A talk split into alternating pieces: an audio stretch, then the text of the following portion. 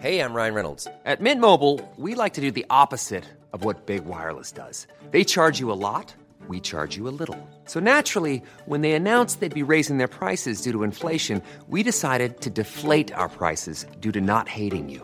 That's right. We're cutting the price of Mint Unlimited from $30 a month to just $15 a month. Give it a try at mintmobile.com slash switch. $45 upfront for three months plus taxes and fees. Promo rate for new customers for limited time. Unlimited more than 40 gigabytes per month. Slows. Full terms at mintmobile.com.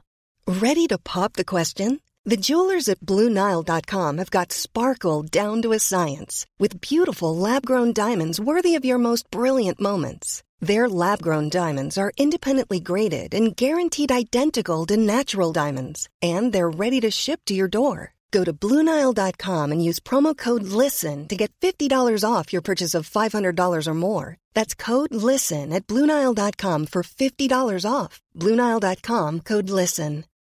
Millions of people have lost weight with personalized plans from Noom, like Evan, who can't stand salads and still lost 50 pounds. Salads, generally, for most people, are the easy button, right? For me, that wasn't an option. I never really was a salad guy. That's just not who I am. But Noom worked for me. Get your personalized plan today at Noom.com. Real Noom user compensated to provide their story. In four weeks, the typical Noom user can expect to lose one to two pounds per week. Individual results may vary. Helt siden de første menneskene slo seg ned i Trøndelag, har det blitt observert underlige lys over Hessdalen. Fenomenet har blitt forsøkt bortforklart som syner sett av bygdetullinger og deliriske hallusinasjoner forårsaket av den lokale drikkekulturen. Men det skulle vise seg at fenomenet stakk langt dypere, når Hessdalen-fenomenet fikk verdensomspennende oppmerksomhet i ufo-miljøet på 1980-tallet. Fenomenet er fremdeles der, og det er fremdeles like uforklarlig som den gang. I 2024 kommer en podkastserie i seks deler produsert av Project Hessdalen, som kanskje en gang for alle skal finne svar på hva som rører seg på himmelen i denne bortgjemte dalen i Trøndelag. Serien har som seg hør og bør fått tittelen A Blaze in the Northern Sky, og den kommer til din favorittpodkastavspiller i 2024.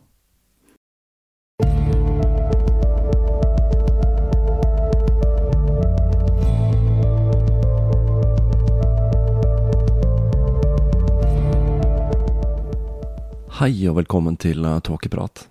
Jeg heter Even, og når jeg tar opp denne episode 112, så er det søndag den 15. september 2019.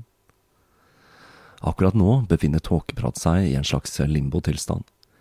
Jeg er ferdig med å flytte, og min nye leilighet er nå i praksis et eneste stort podcaststudio, hvor alt er lagt opp rundt arbeidsprosessen med Tåkeprat. Men i tillegg så venter jeg fremdeles på en del utstyr som er bestillingsvare, og det tekniske er ikke helt på plass enda. Og samtidig så holder jeg på med serverbytte, som skal skje sånn omtrent akkurat nå, og jeg håper at denne episoden når ut til dere lyttere slik den skal, på tross av dette. I den senere tid så har jeg gjenoppdaget en norsk humorperle, nemlig Lille Lørdag. Jeg er klar over at mange har delt i synet på duoen Harald Eia og Bård Tufte Johansen, og at de var en kilde til mye samfunnsdebatt en gang i tiden. Selv har jeg alltid satt pris på de ulike prosjektene deres, og Lille Lørdag er definitivt noe jeg lo godt av når serien var på lufta. Det var derfor nesten litt magisk å sette på denne klassikeren igjen, for å oppdage at serien ikke bare holdt seg godt, men går såpass mye over streken at jeg tviler på at dette er noe som vil bli sendt på lufta i dag.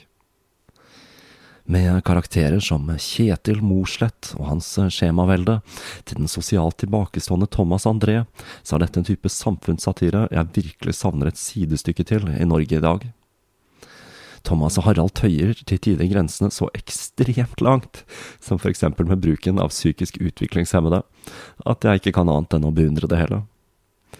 Kanskje det var litt fordi internett med sine illsinte kommentatorer ikke hadde blomstret enda, og at man den gang faktisk hadde litt friere tøyler og litt mindre kollektiv sensur enn hva man har den dag i dag. Så om du var som meg og gledet deg til hver onsdag på midten av 90-tallet, så kan jeg på det varmeste anbefale å gi serien et nytt forsøk. Den er tilgjengelig på nrk.no. Nå skal jeg ta fatt på et tema som forhåpentligvis ikke provoserer så mange sinte stemmer der ute og det har jeg kviet meg for i lengre tid. I løpet av levetiden til podkasten har jeg fått mange spørsmål om å se nærmere på teosof, teosofien og det teosofiske samfunn, Utfordringen er at dette er et gigantisk tema, og det er et som er svært vanskelig å koke ned til en liten podcast-serie. Jeg bestemte meg derfor for å se nærmere på livet til bevegelsens grunnleggerske og primus motor, Helena Petrovna Blavatsky. Man skulle kanskje tro at det var en smal sak. Men denne damen har en livshistorie som er nesten like spektakulær som Gurdjieff sin, og med det like suspekt. Så for å forsøke å finne litt mer ut om livet til denne damen, som grunnla en av de viktigste okkulte bevegelsene i Vesten, så gikk jeg til anskaffelse av biografien The Extraordinary Life and Influence of Helena Blavatsky av Sylvia Cranston. En bok jeg som er nødt til å kjøpe brukt fra USA, og som er en bibliotekbok som blir gitt som gave til Skokie Public Library i 1993. Boka er åpenbart gitt til biblioteket for å fremme teosofi, og biblioteket har selv solgt eller gitt denne videre til en bruktbokhandel, kanskje nettopp på grunn av dette. For uh, The Extraordinary Life and Influence er en ganske fantasifull, men gjennomarbeidet biografi på nesten 600 sider som det tok forfatteren nærmere 14 år å fullføre. Noe som er forståelig, ettersom hun har klart å oppspore de mest obskure, om enn ikke de mest pålitelige kildene for å dokumentere livet til Blavatsky. Og siden boka, som omtaler ting som levitasjon som den største selvfølgelighet, er hovedkilden min i denne serien, så vil jeg på forhånd advare om at den kommer til å ha litt bias i forhold til historien. Dette gjelder blant annet Blavatskijs mange reiser og fantastiske fortellinger om møter med mystiske læremestere. Men jeg har altså allikevel valgt å forholde meg til nettopp denne boka, for jeg føler det er mest riktig å fortelle denne historien på måten teosofene selv liker å fremstille den for å gjøre den mest mulig spennende selv om jeg nok kommer til å påpeke noen ting i fortellingen som er veldig, veldig tvilsomme. Historien byr også på andre utfordringer, som russisk historie. Og livshistorien til Blavatsky får meg til å tenke både på Gurdjieff og Rasputin. Som jeg sa i begge de seriene, så er ikke russisk min sterke side.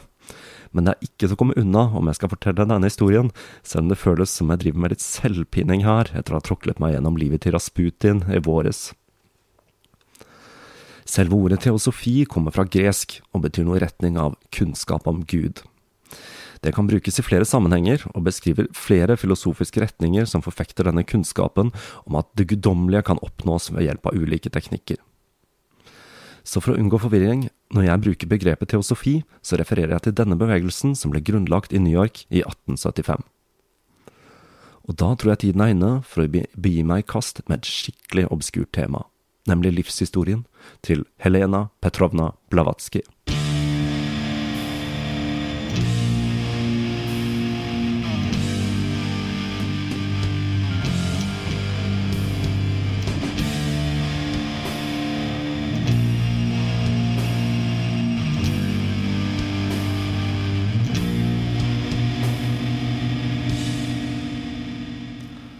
Helena Blavatsky kom fra en ganske imponerende familie.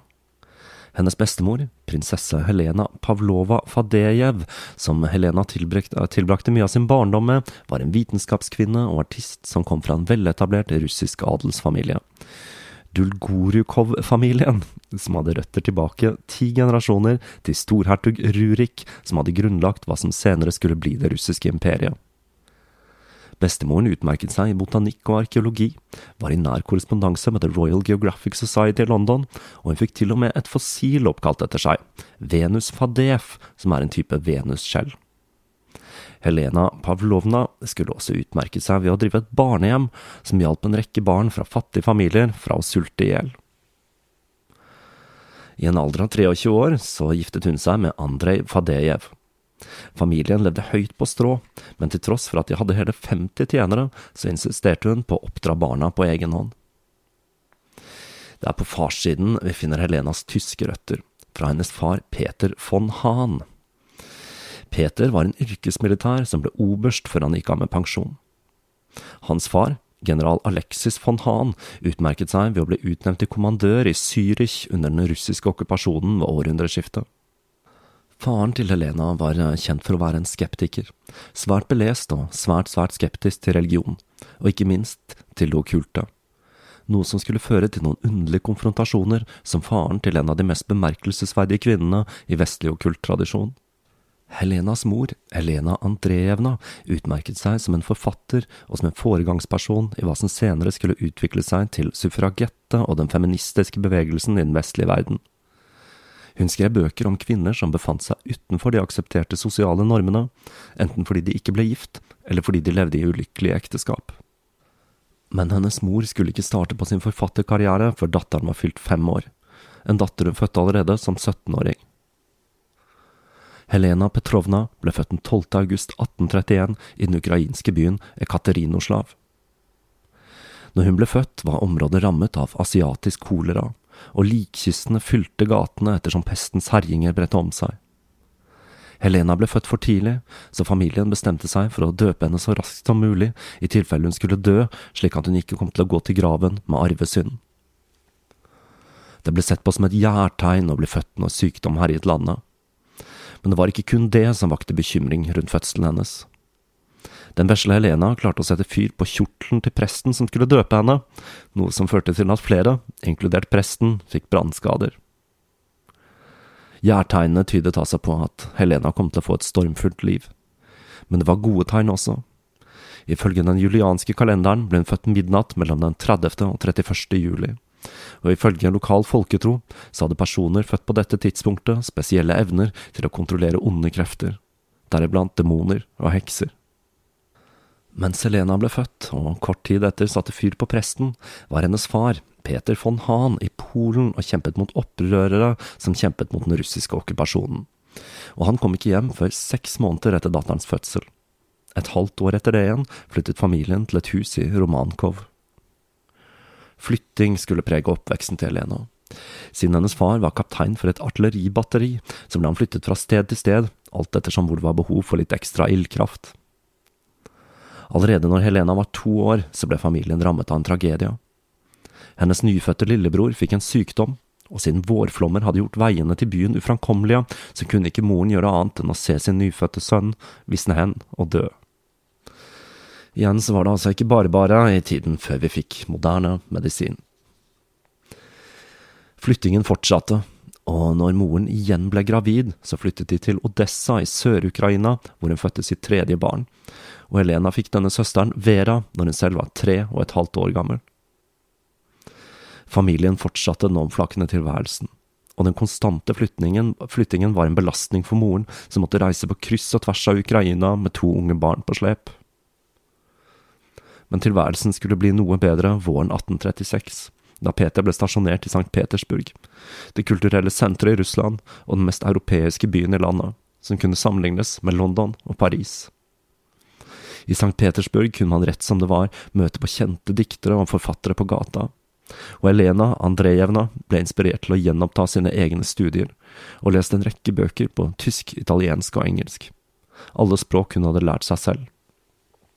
Det var engelsk hun likte aller best, og hun begynte å oversette enkelte stykker for et lokalt tidsskrift.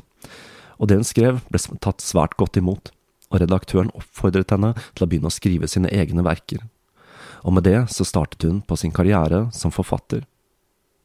Det at hun skrev om kvinners lidelse, var kanskje ikke så rart, for mye av det hun skrev var selvbiografisk, inspirert av ekteskapet med Peter, som var dobbelt så gammel som henne, og som dro henne med hvor enn han ble stasjonert uten å ta hensyn til sin unge kone og to barn.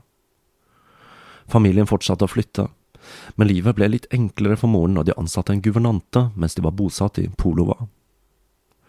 Kilden vi har til barndommen til Helena, er hennes søster Vera, som startet å skrive en dagbok i tiårsalderen. Dagbøkene hennes skulle etter hvert danne grunnlaget for to biografier, Når jeg var liten og min ungdomstid. Vera skulle etter hvert, som sin mor, utmerke seg som forfatter, og hun skrev hele tolv romaner, 60 noveller og to skuespill. Livet tok på for moren. Hun ble stadig skrøpeligere og var ofte sengeliggende. I sine friske stunder brukte hun tiden på å skrive i sitt eget hjemmelagde kontor, som var en del av barneværelset som var atskilt med et grønt skjermbrett. Divisjonen til Peter ble flyttet fra Polto til andre deler av Ukraina og våren 1893 dro moren og barna til Odessa for å se om et opphold i kurbadene der kunne hjelpe på den skrantende helsen. Mens de var der, så stiftet Helena Andrevjevna bekjentskap med en ung kvinne fra Yorkshire, Augusta Jeffers, som hun ansatte som en engelsklærer for å lære barna det språket hun var blitt så glad i. Etter oppholdet i Odessa ble familien gjenforenet i Polen, men oppholdet i kurbadene hadde ikke kurert den skrantende helsen til moren, og på toppen av det hele var hun igjen blitt gravid. Sommeren i Polen var skrekkelig, og når hennes foreldre flyttet til Saratov det året, en stor by ved Volga, så bestemte hun seg for igjen å forlate mannen, og hun tok med seg barna dit, hvor hun fødte en sønn, Leonid, i juni 1840.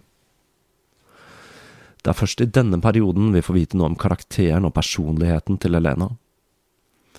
Vera forteller at hun utmerket seg ved at hun behandlet alle likt, og det at hun lekte med tjenere og gategutter, gjorde at hun var under konstant oppsyn av guvernanten av frykt for hva hun kunne finne på. Hun var også veldig direkte, og fortalte folk akkurat hva hun syntes og mente om dem, noe som var svært upassende for en jente med hennes status. Samtidig så var hun svært glad i å lese og lære, og hun slukte det hun kunne av bøker i besteforeldrenes enorme bibliotek.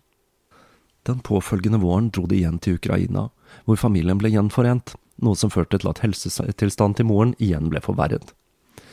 Under dette oppholdet i Ukraina skulle barna få se et moderne mirakel, en svovelstikke, og på julaften ble den trykkende stemningen løftet med et vakkert juletre og gaver til barna. Men helsen til Helena Andrejevna ble altså dårligere og dårligere, og når våren kom, så tok hun med seg ungene og dro til Odessa i håp om at den kjente legen doktor Geno kunne hjelpe henne. Men til tross for denne legens stødige behandling med årelating, så ble helsen hennes forverret, og Elena Andrejevna døde i sin mors armer den 24. juni 1842, og hennes dødsfall ble mottatt med sorg i Russlands litterære kretser.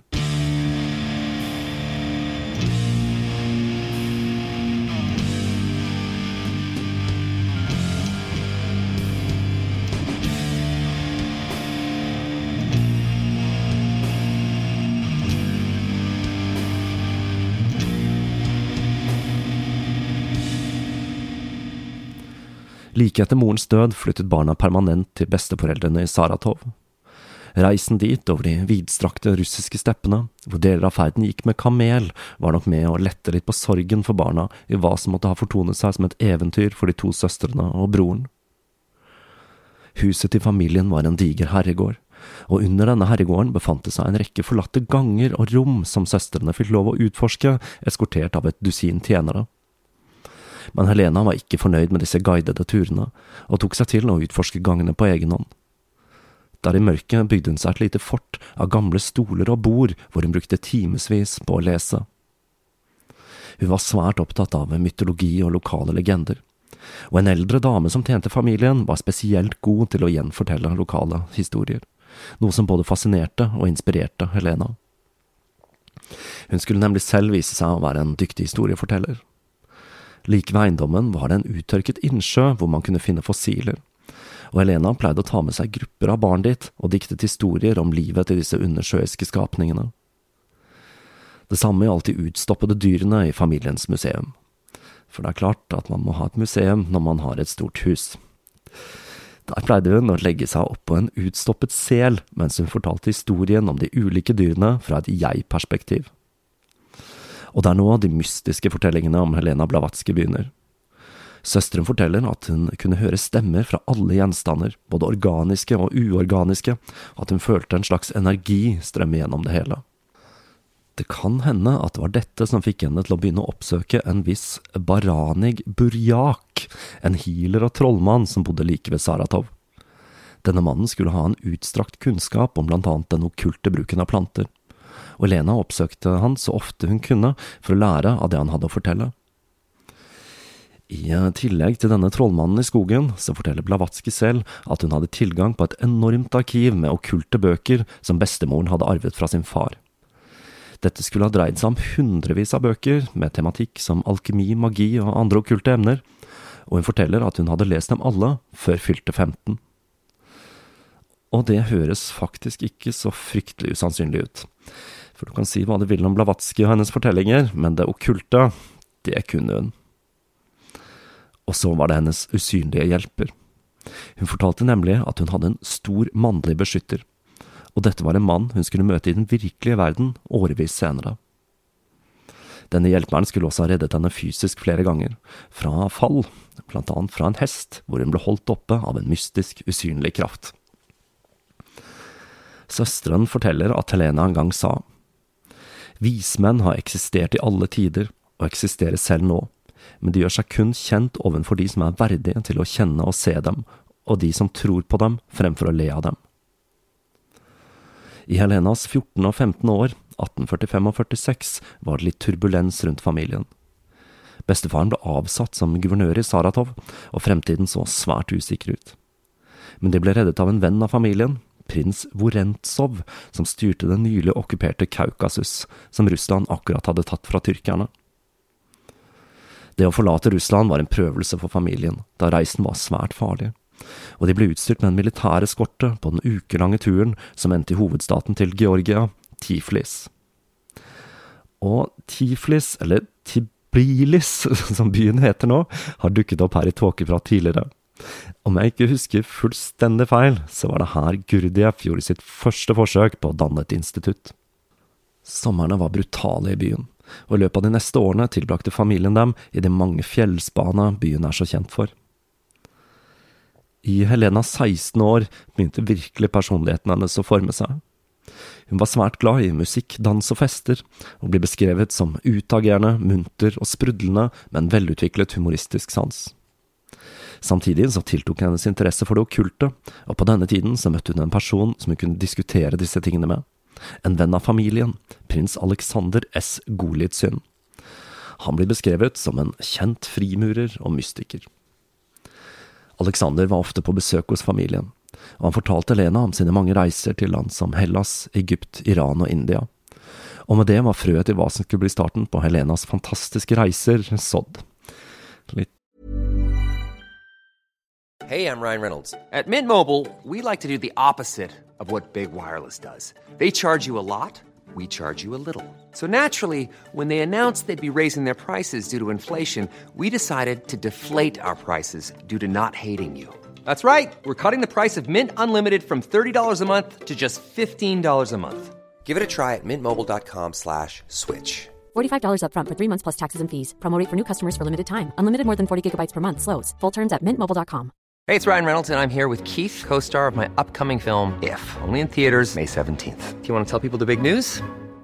All right, I'll do it. Sign up now and you'll get unlimited for $15 a month in six months of Paramount Plus Essential Plan on us. Mintmobile.com slash switch. Upfront payment of $45 equivalent to $15 per month. Unlimited over 40 gigabytes per month. Face lower speeds. Videos at 480p. Active Mint customers by 531.24 get six months of Paramount Plus Essential Plan. Auto renews after six months. Offer ends May 31st, 2024. Separate Paramount Plus registration required. Terms and conditions apply if rated PG.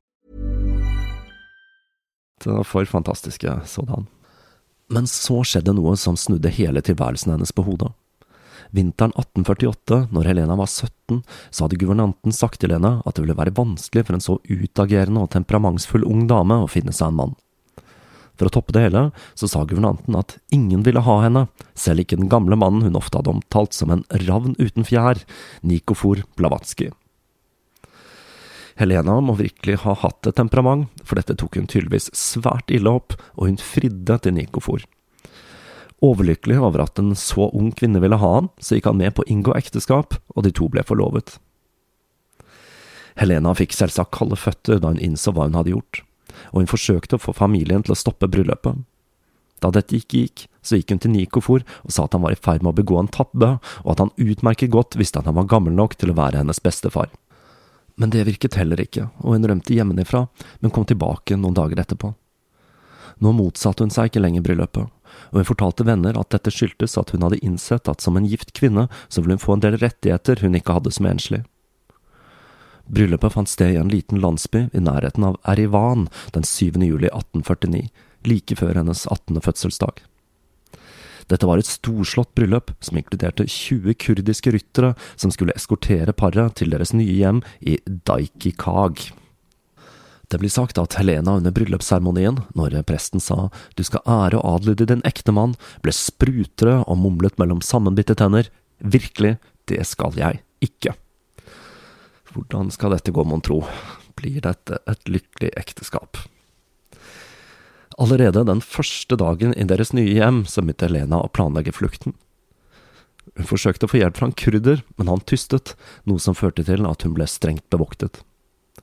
Det hele utviklet seg til en maktkamp der Nikofor krevde å få sin ekteskapsrett, og Helena nektet. En dag i september, når hun var ubevoktet, så tok hun en hest og red tilbake til Tiflis, hvor hun gjemte seg hos bestemoren og sverget at hun ville begå selvmord om hun ble tvunget til å reise tilbake til mannen. I familieråd ble det avgjort at den motvillige bruden skulle sendes til faren, og at de to skulle møtes i Odessa. Hun fikk med seg en mannlig tjener som skulle passe på henne, i tillegg til et kobbel med andre tjenere. Og de dro til Poti, en havn ved Svartehavet, hvor de skulle bore et dampskip til Odessa men Helena var så vanskelig på vei gjennom Georgia at de aldri rakk denne båten. Når de kom til havna, så lå det en annen båt der, en britisk seilskute, The Commandor, et skip som først skulle til Kerch i Krim, så til Taganrog, før den endelige destinasjonen, Konstantinopel. Helena tok med seg tjenerne sine og boret skipet. Når de la til kai i Kerch, så sendte hun dem i land for å skaffe til veie et sted å bo i byen neste dag men Helena hadde konspirert med kapteinen på skuta, og den natten kastet de loss, og med det hadde hun løsrevet seg fra sitt tidligere liv, og verden lå nå for hennes føtter.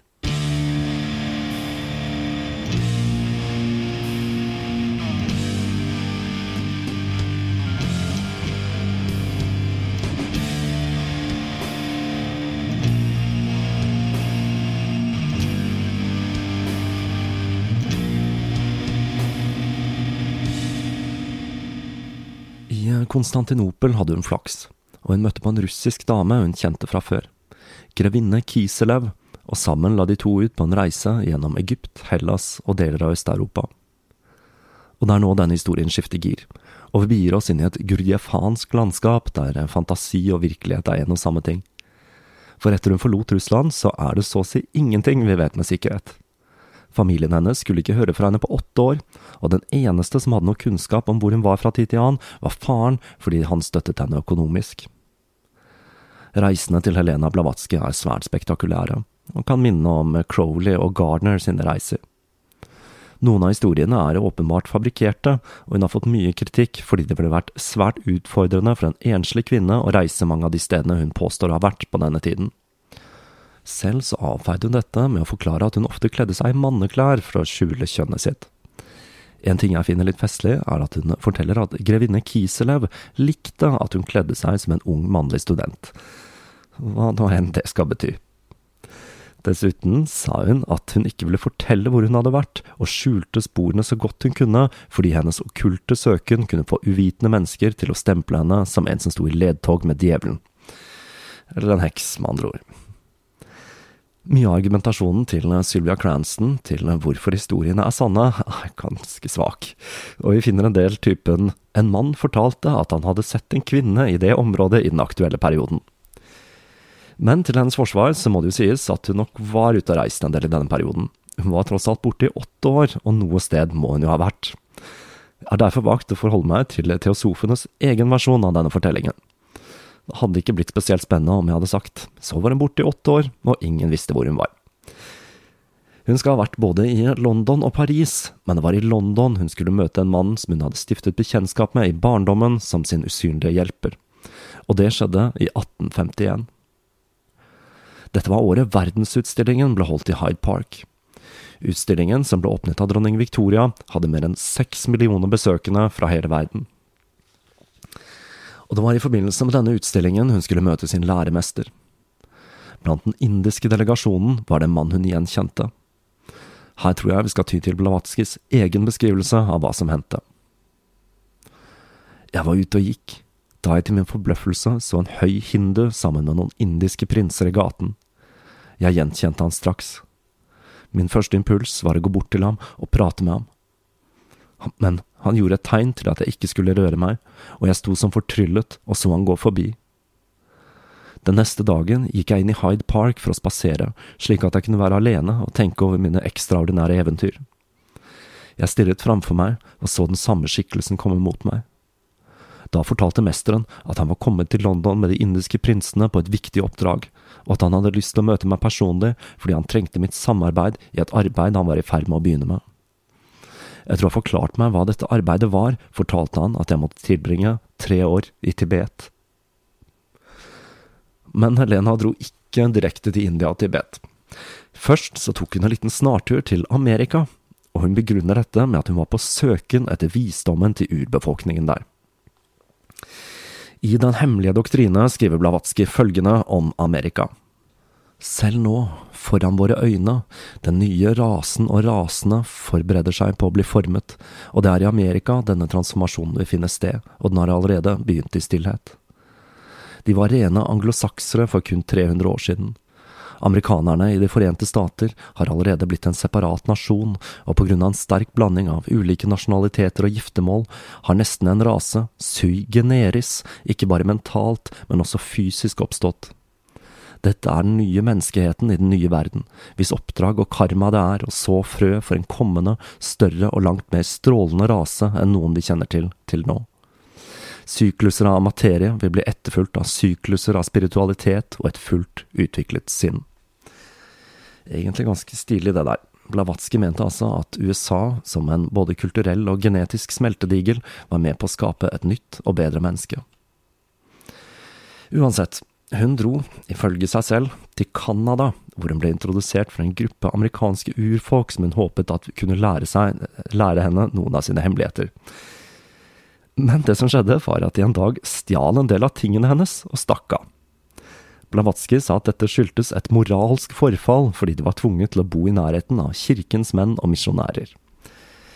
Også en artig vinkling på det hele, og en historie som er så lite heroisk at det kan tenkes å være sann. Så dro hun for å oppsøke mormonerne, men mormonernes by Nauvoo hadde akkurat blitt ødelagt av en lynsjemobb, og de hadde flyktet. Så da bestemte hun seg for å sjekke ut voodoo i New Orleans. Men det fikk hun heller ikke til, for hun ble advart i en visjon om at de drev med en farlig praksis. Deretter satte hun kursen mot Sør-Amerika for å studere ruiner der, før hun til syvende og sist satte kursen mot India, og hun forsøkte å komme seg inn i Tibet via Nepal.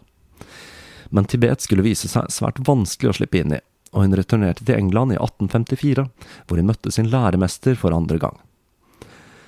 Og for ikke å oppsummere enda mer av reisen hennes, så endte hun opp i Calcutta igjen i 1855. Og denne turen skulle bli langt mer begivenhetsrik enn den forrige. Denne gangen så valgte hun en annen strategi for å komme seg inn i Tibet. Hun bestemte seg for å forsøke å komme inn i landet via Kashmir. Kashmir ligger i den nordvestlige delen av India, og lenger nord ligger Vest-Tibet, som blant annet huser Lhasa, som er landets hovedstat og hjemmet til Dalai Lama.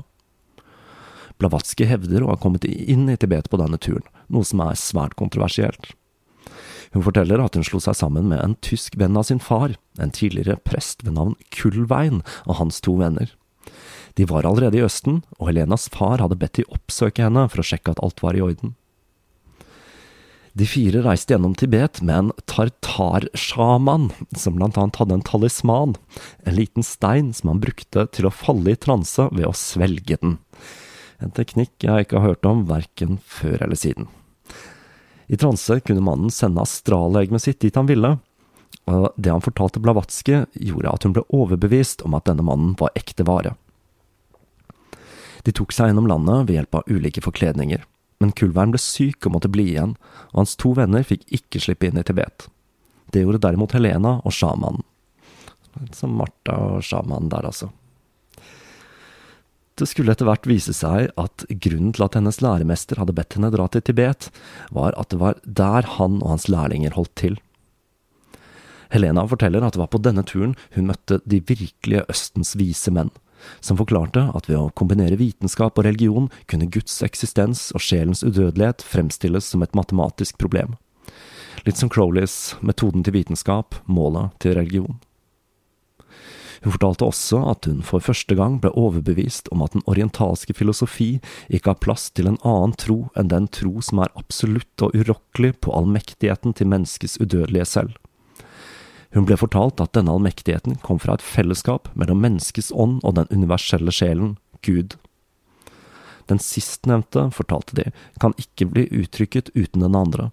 Menneskeånden beviser gudånden, som en dråpe vann beviser en kilde den er sprunget ut ifra. Blavatsky forlot landet igjen i 1857 på ordre fra sin læremester, og dro med en nederlandsk båt til Java, før hun returnerte atter en gang til Europa. Tilbake i Europa så tok hun kontakt med familien, og hun fortalte at hun var redd Nikofor skulle kreve at hun kom tilbake. Men heldigvis hadde han innfunnet seg med at han aldri ville få sin unge brud, og han hadde vent seg til et gledesløst liv i Erivan. Det var julekvelden 1858, og Helenas søster Vera og deres far var i et bryllup i Puskov, ikke langt fra St. Petersburg. Søsteren, som nå var blitt enke med to små barn, tilbrakte vinteren hos svigerfamilien, og det var her bryllupet fant sted.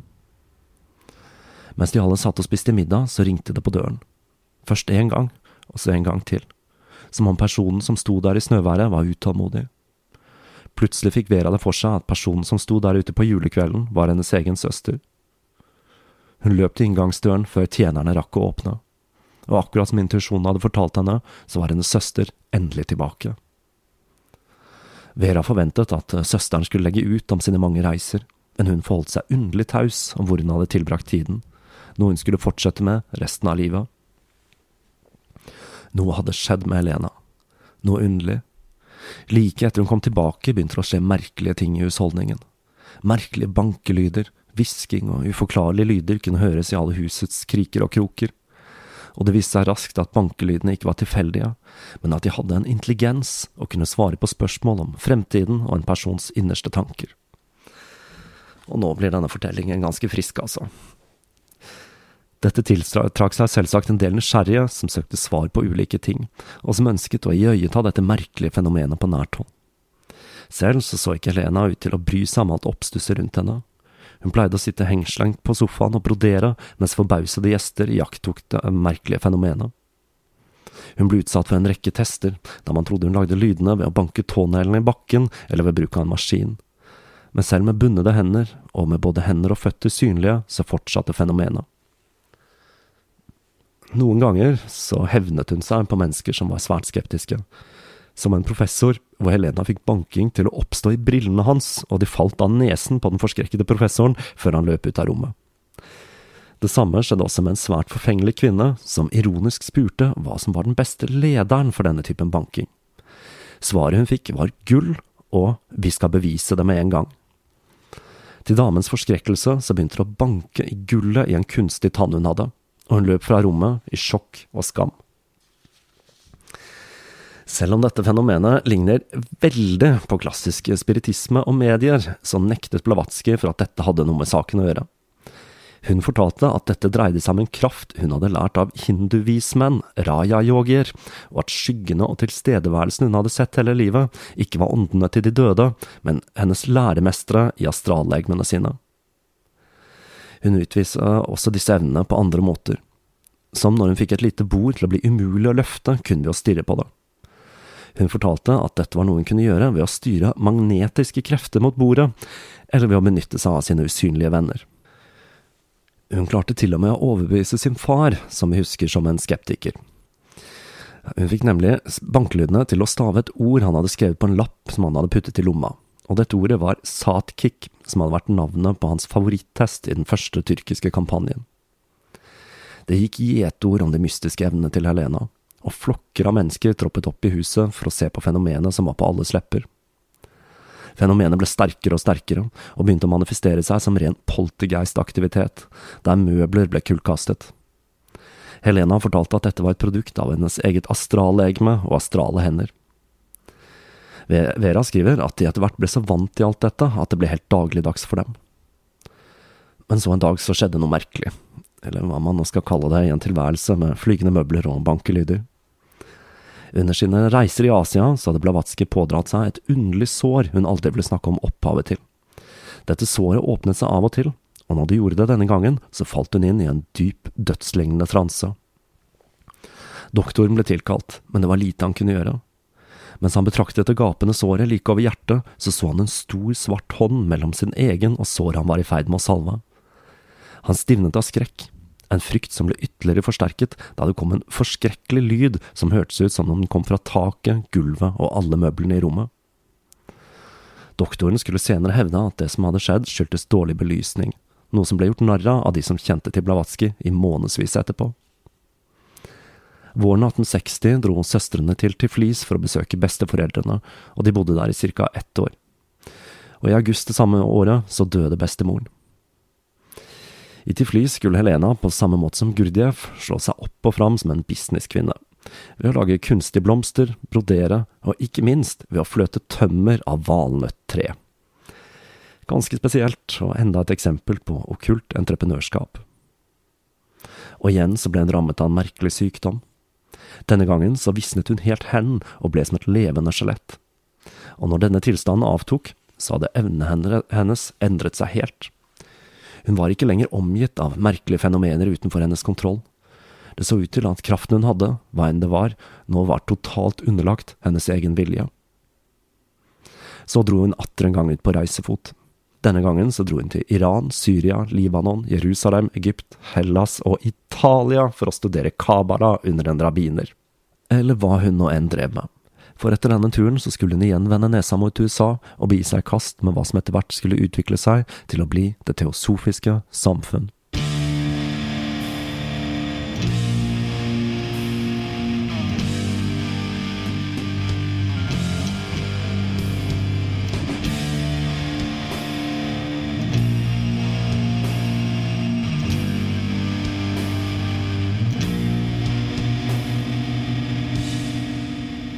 Og det var slutten på den første delen i serien om Helena Blavatsky. Dette er jo forholdsvis eh, spreke saker. Som jeg sa innledningsvis, har jeg valgt å fortelle denne historien som den er fremstilt av Blavatsky selv, og det gjør at den tidvis eh, tar litt av, med levitering, bankelyder og mystiske sår fra Asia. Forhåpentligvis så har jeg fått flyttet meg til en ny server uten for mye krøll innen neste episode, og forhåpentligvis har bestillingsvarene til studioet mitt kommet på plass. Det er litt synd at jeg ikke fikk anledning til å bruke ny mikrofon denne gangen, men for å være dønn ærlig, så er det nok bare meg selv som bryr meg så fryktelig mye om lyden på en 192 KPBs podkast. Det er tross alt innholdet som er viktigst. Og da får jeg gi meg i kast med den neste delen av livet til Madame Blavatsky, og forsøke å sette meg dypere inn i tankegodset som var med på å danne grunnlaget for det teosofiske samfunn, med hemmelige mestere, astrallegmer og det hele. Så frem til da så vil jeg oppfordre til å tipse en venn, følge på sosiale medier eller bli en patrion. Nå i disse dager så driver jeg også og produserer litt eh, tåkeprat-merch, og dette vil etter hvert bli tilgjengelig på nettsiden og via Patrion. Så fram til neste del i serien om Helena Blavatsky, så ønsker jeg dere fortsatt en god høst. Denne vakreste av årstidene. På gjenhør.